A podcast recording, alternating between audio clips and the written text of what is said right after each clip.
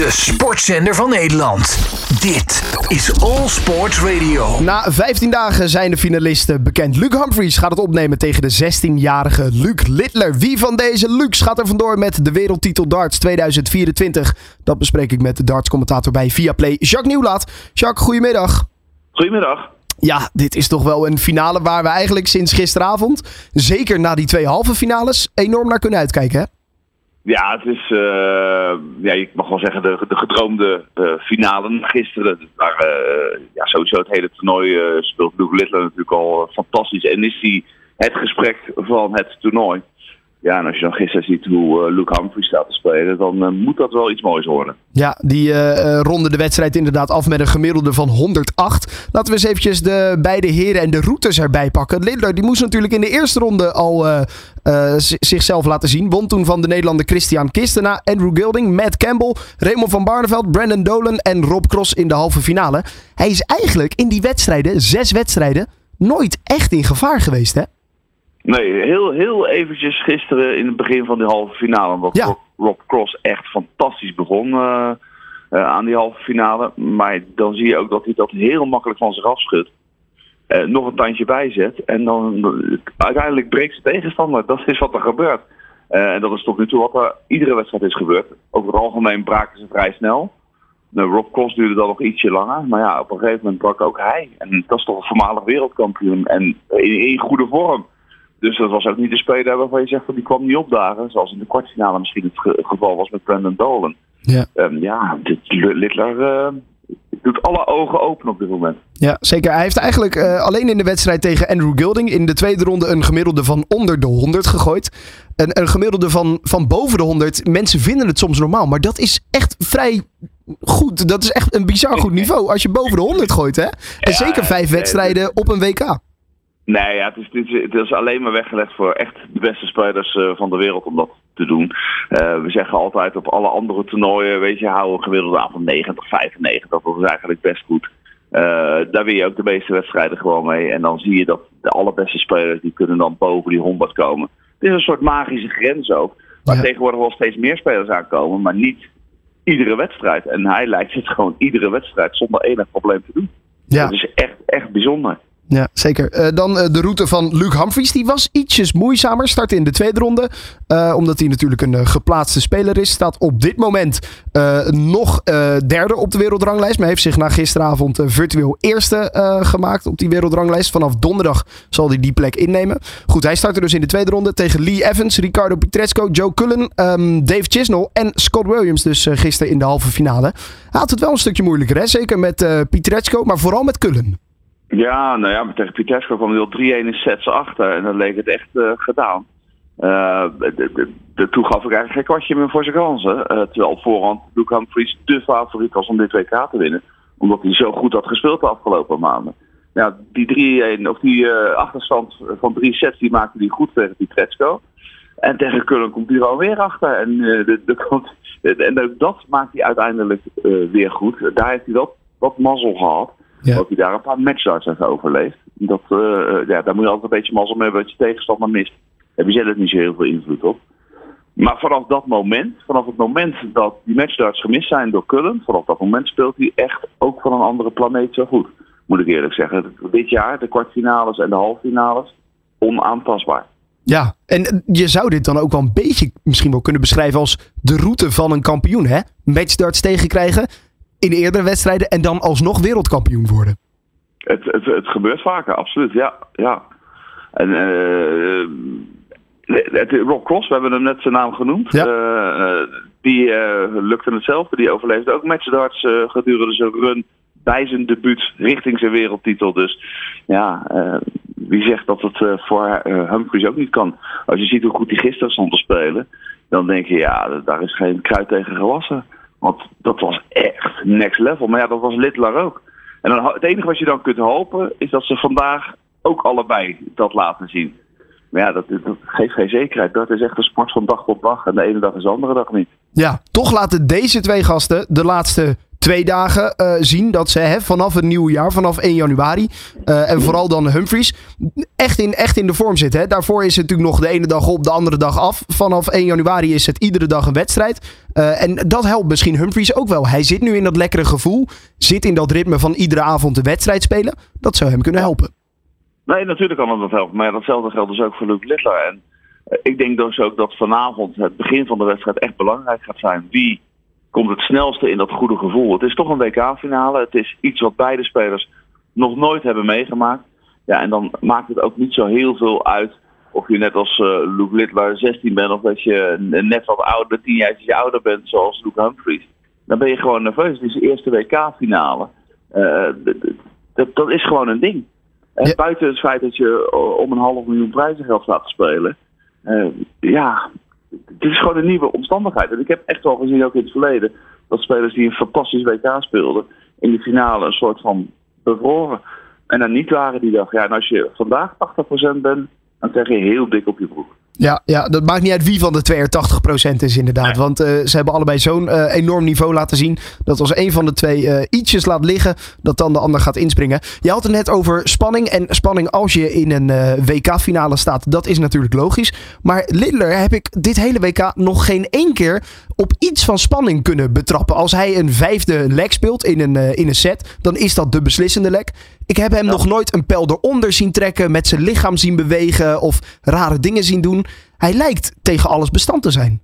Ja, ja we hebben het gisteren, ook, eh, gisteren weer heel eventjes gezien tegen Rob Koster, die echt onder druk kwam te staan.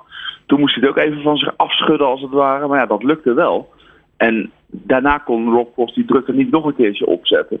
Maar ik ben benieuwd wat er gebeurt als het een paar keer wel lukt. Of uh, als Littler ook eens een keertje mist. Want hij heeft ook heel weinig gemist, met name op de belangrijke momenten.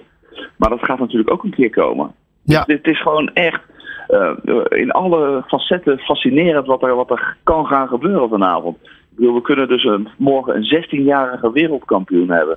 Het gebeurt in veel sporten natuurlijk. Als je hele jonge mensen hebt die uh, bovenaan de wereldranglijst of die wereldkampioen worden. Maar in het darten is zo jong nog nooit gebeurd. Dus voor ons is het echt nieuw. Nee, de jongste was um, Jelle Klaassen. Die kan die uit de recordboeken ja. gaan, uh, gaan gooien.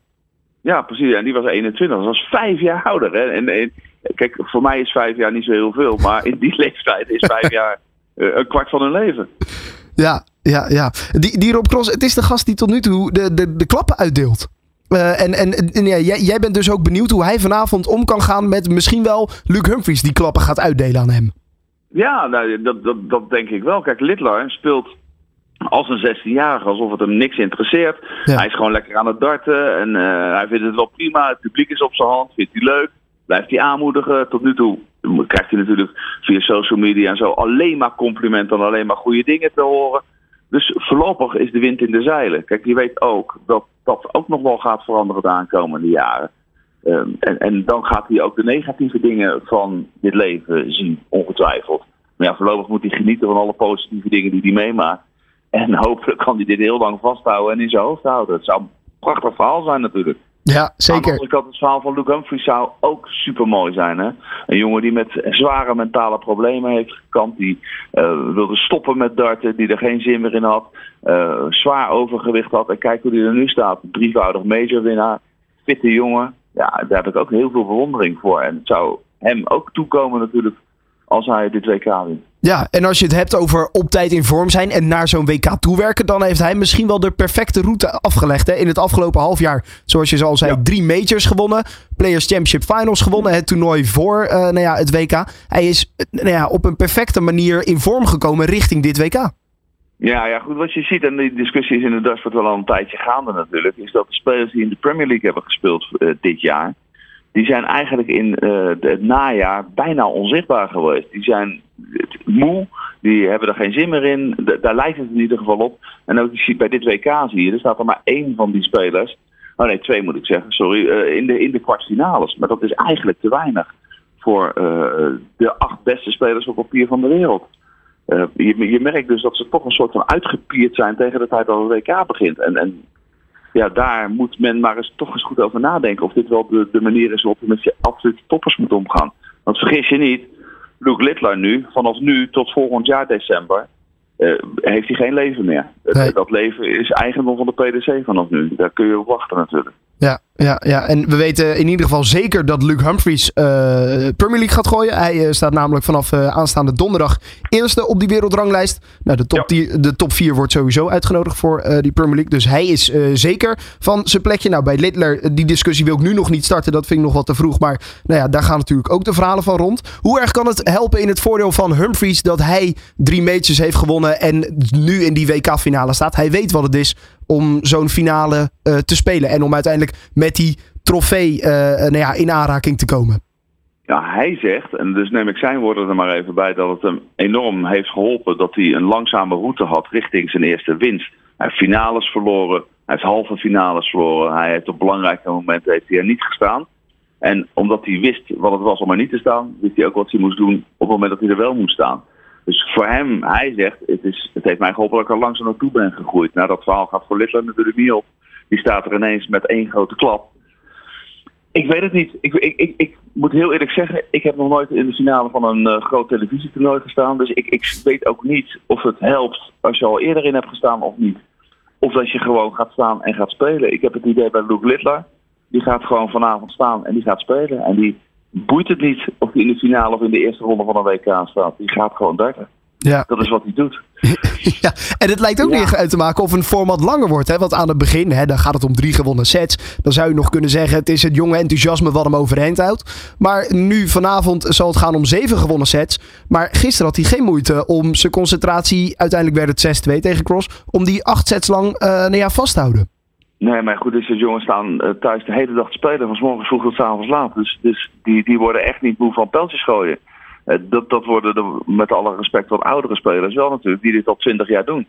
Maar hij heeft daar gedaan. Hij vindt alles mooi. Alles is nieuw. Alles is eh, fantastisch. Hij leeft in een soort droomwereld op dit moment. Hij heeft de grootste snoepwinkel van de wereld staat hij in te spelen. Ja. Er is niets wat hem lijkt te kunnen deren. En, en als hij dat vanavond ook kan doen, ja, wie weet wat er dan Ja, dan weet ik ook niet wat er gebeurt. Je weet het niet. Nee, ja, ik wil bijna vragen. We- Weet je dan wat er gaat gebeuren? Durf je, ja, gisteren op, eh, op tv bij Viaplay zei je, eh, ik ben slecht in voorspellingen. Maar ja, toch eh, willen we iets horen, Jacques. Ja, nou, ik, ik durf het echt niet te zeggen. Ik-. Het is voor mij echt 50-50. Ehm, als je kijkt naar gisteren, denk ik dat Luke Humphries de betere speler is van de twee. op basis van gisteren. Maar ik denk ook dat als Littler de eerste vier sets eh, op 2-2 uit kan komen, of beter, dan gaat Lu- Luke Littler dan winnen, denk ik. Ja, ja. Humphries is wel iemand het, die... begin van, het begin van de wedstrijd gaat belangrijk zijn, denk ik. Ja, ja, ja precies. Nee, en daar zagen we eh, bij ehm, eh, Luc Littler tegen Rob Cross zagen we wat frustratie. Dat, dat zat niet helemaal lekker. Nou, wie weet hoe dat vanavond zit. Humphries is wel iemand die op de juiste momenten ook de juiste dingen kan gooien. Gisteren tegen Scott Williams stonden ze in eh, ehm, eh, 2-2. Eh, en toen Ja. wist hij, stonden ze in de derde set 2-2. En toen wist hij een 126 finish uit te gooien. Eh, via de bullseye om op 3-0 voorsprong eh, te komen in, eh, in de set. Dat, dat soort tikken die kunnen vanavond fataal zijn. Zeker aan het begin van de wedstrijd dus, hoor ik jou zeggen. Nee, dat klopt inderdaad. Maar goed, Humphries is ook wel een speler die dit soort dingen makkelijker doet vanuit een voorsprong dan vanuit een achterstand. Hij heeft dit toernooi natuurlijk een paar keer fantastisch teruggeknokt. En dat is echt iets waarin hij veel beter is geworden de afgelopen jaren. Maar Luke Humphries is met name fantastisch goed als hij op voorsprong staat. En als hij de wind in de rug heeft. En dat liet hij gisteren zien natuurlijk. Op het moment dat hij het heeft en hij heeft een voorsprong, ja, dan haal je hem niet meer terug. Want dan is hij gewoon te goed daarvoor. Ja, dan eindigt hij met een eh, gemiddelde van 108. En dat verslaan, dat is vrij lastig. Ook voor Luc Littler. Ja, absoluut. Ja, ook voor Luke Litter. ja, Maar zeker. goed, eh, het is een WK-finale. Het geeft geen zekerheid. Ook niet dat Luke Humphries weer hetzelfde speelt als gisteren. En Littler is tot nu toe door niemand kunnen, gebroken kunnen worden. Dus het is ook niet zomaar even dat dat gaat gebeuren. Ik heb er ongelooflijk veel zin in. Het wordt natuurlijk een wedstrijd op ongelooflijk hoog tempo. Met heel veel hoge scores en hoge finishes hoop ik. Ja, misschien nog een mooie negendarter in de finale als toetje. Wie zal het zeggen? Ja, die hebben we nog niet gehad, hè? Nee, nog niet. Maar Nee. het kan, vorig jaar moesten we ook wachten op de finale. Zeker, zeker, zeker. Eh, wie weet komt hij inderdaad nog. Nou, eh, ik eh, kan niet wachten tot vanavond. Vanaf 9 uur dan is het te zien bij Viaplay. Een historische finale, zo zouden we alvast wel kunnen zeggen. Luc Humphries tegen Luc Littler. Eh Jacques, dankjewel. En eh, bovenal ook heel veel plezier vanavond. Ja, iedereen veel plezier vanavond. Alle sporten van binnenuit. All Sport Radio.